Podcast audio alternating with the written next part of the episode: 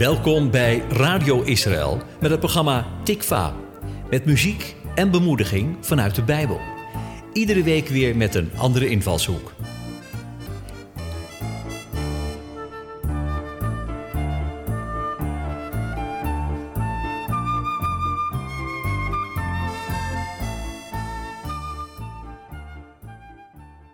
Sommige ontmoetingen in het leven zijn zo bijzonder dat ze de loop van je leven radicaal kunnen beïnvloeden. De impact van een ontmoeting kan zo groot zijn dat het je als persoon verandert. Nicodemus was zo iemand die een dergelijke levensveranderende ontmoeting had. Hij was een Joods schriftgeleerde die behoorde tot de Fariseërs.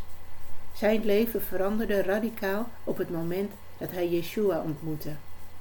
Na deze ontmoeting was hij nooit meer dezelfde. Van een geestelijk leider die de gevestigde orde vreesde, veranderde hij in een vrijmoedig leider die openlijk zijn standpunt innam voor dat waar hij in geloofde. In deze uitzending wil ik kijken hoe deze verandering tot stand kwam.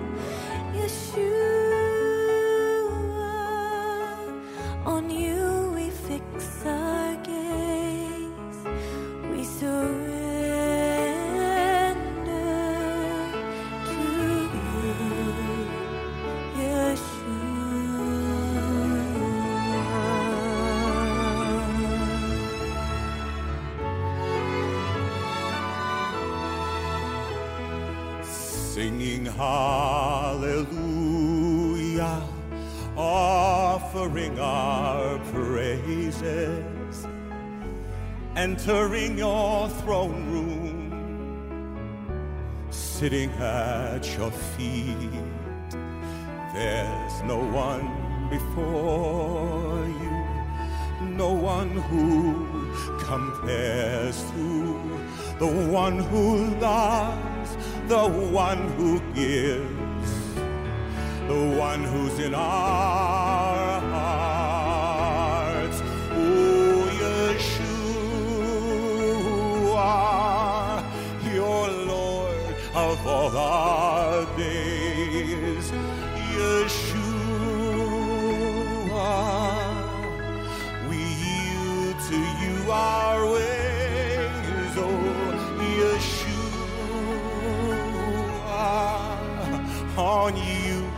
we fix our gaze, we surrender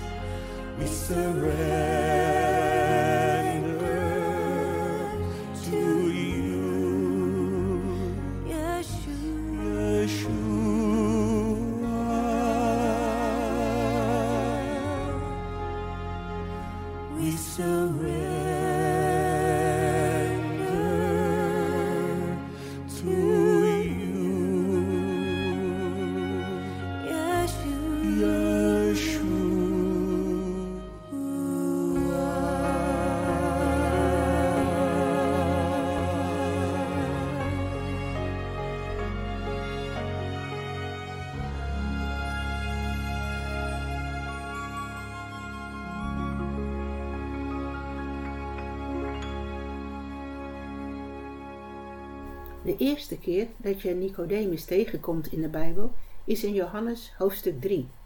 Daar lees je dat hij Yeshua opzoekt. Dat deed hij op een bijzonder tijdstip. Hij bezocht hem namelijk midden in de nacht.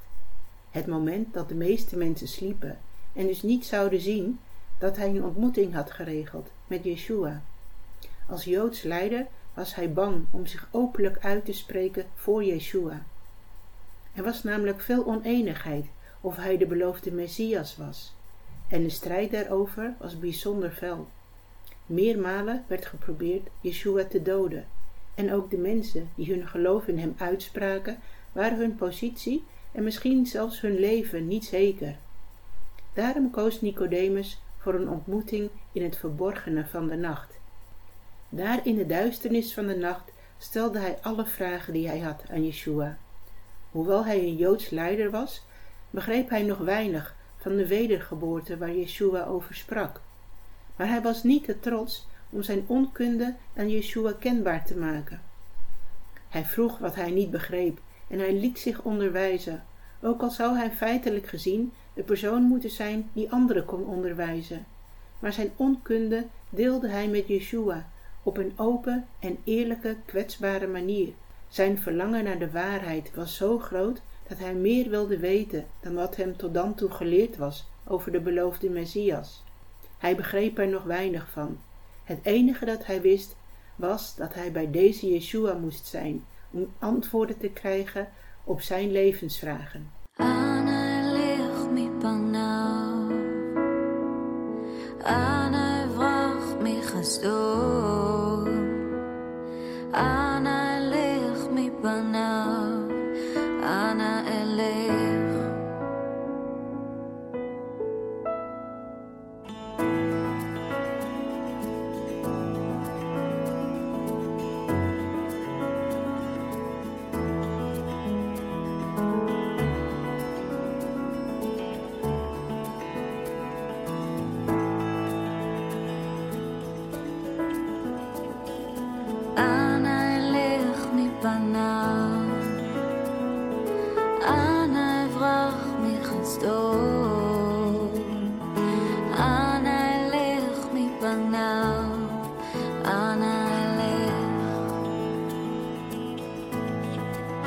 一个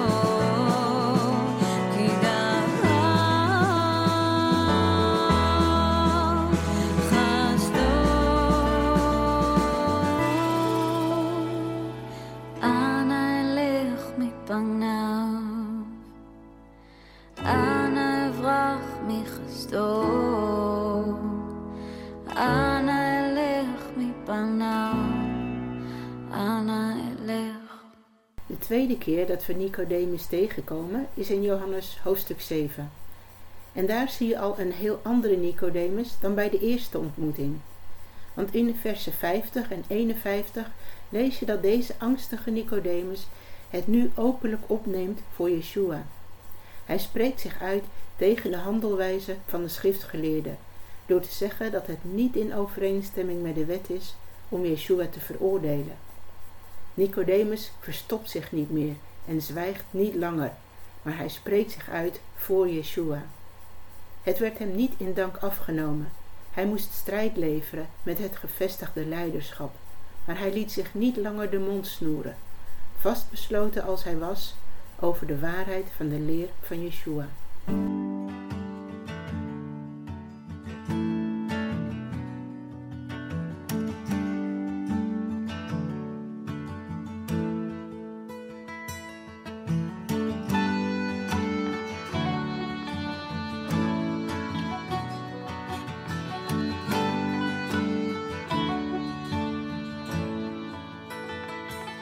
As for me and my house, we will serve you, Lord, lifting holy hands in worship. We will not bow down to the gods of man. We will worship the God of Israel. You are holy. For you are holy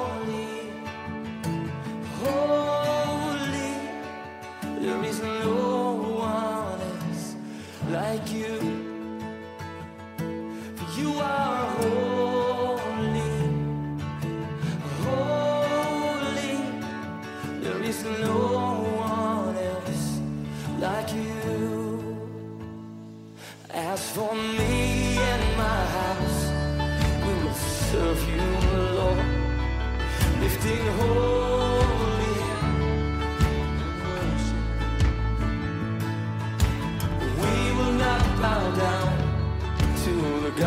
of man.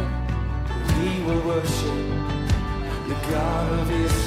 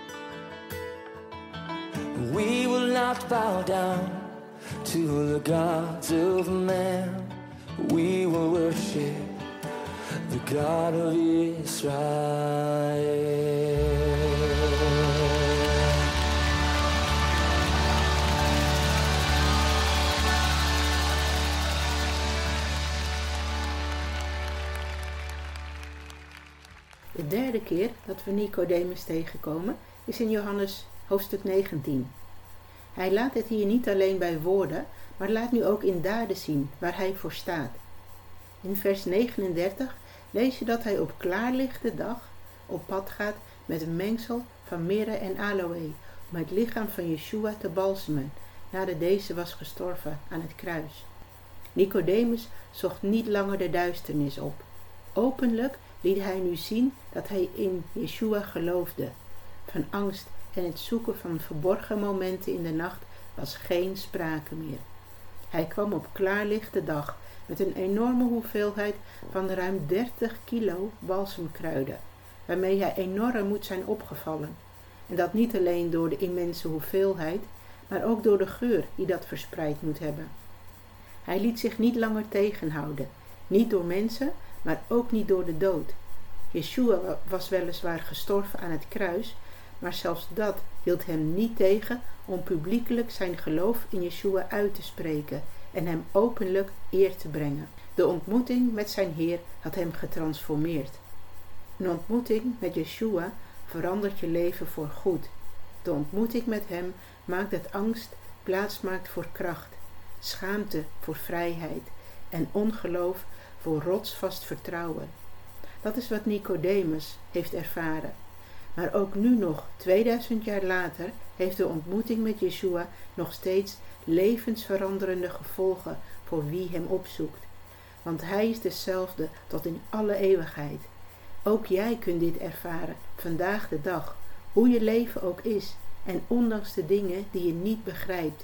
Je mag net als Nicodemus bij hem komen, met al je angsten, al je vragen en onzekerheden en zelf die transformerende kracht ervaren die eruit gaat van een ontmoeting met Yeshua.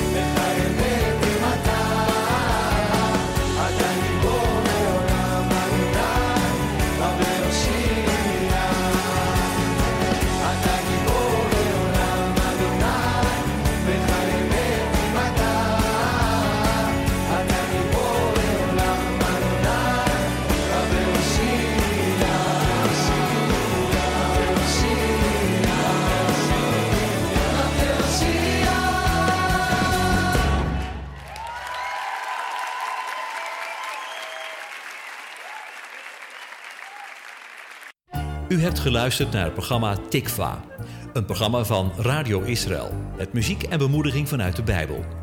Te beluisteren elke donderdag tussen 10 en 11 met herhalingen op vrijdag en zaterdagmiddag om 4 uur. Als je wilt reageren op deze uitzending, dan kan dat door een mail te sturen naar reactie radioisrael.nl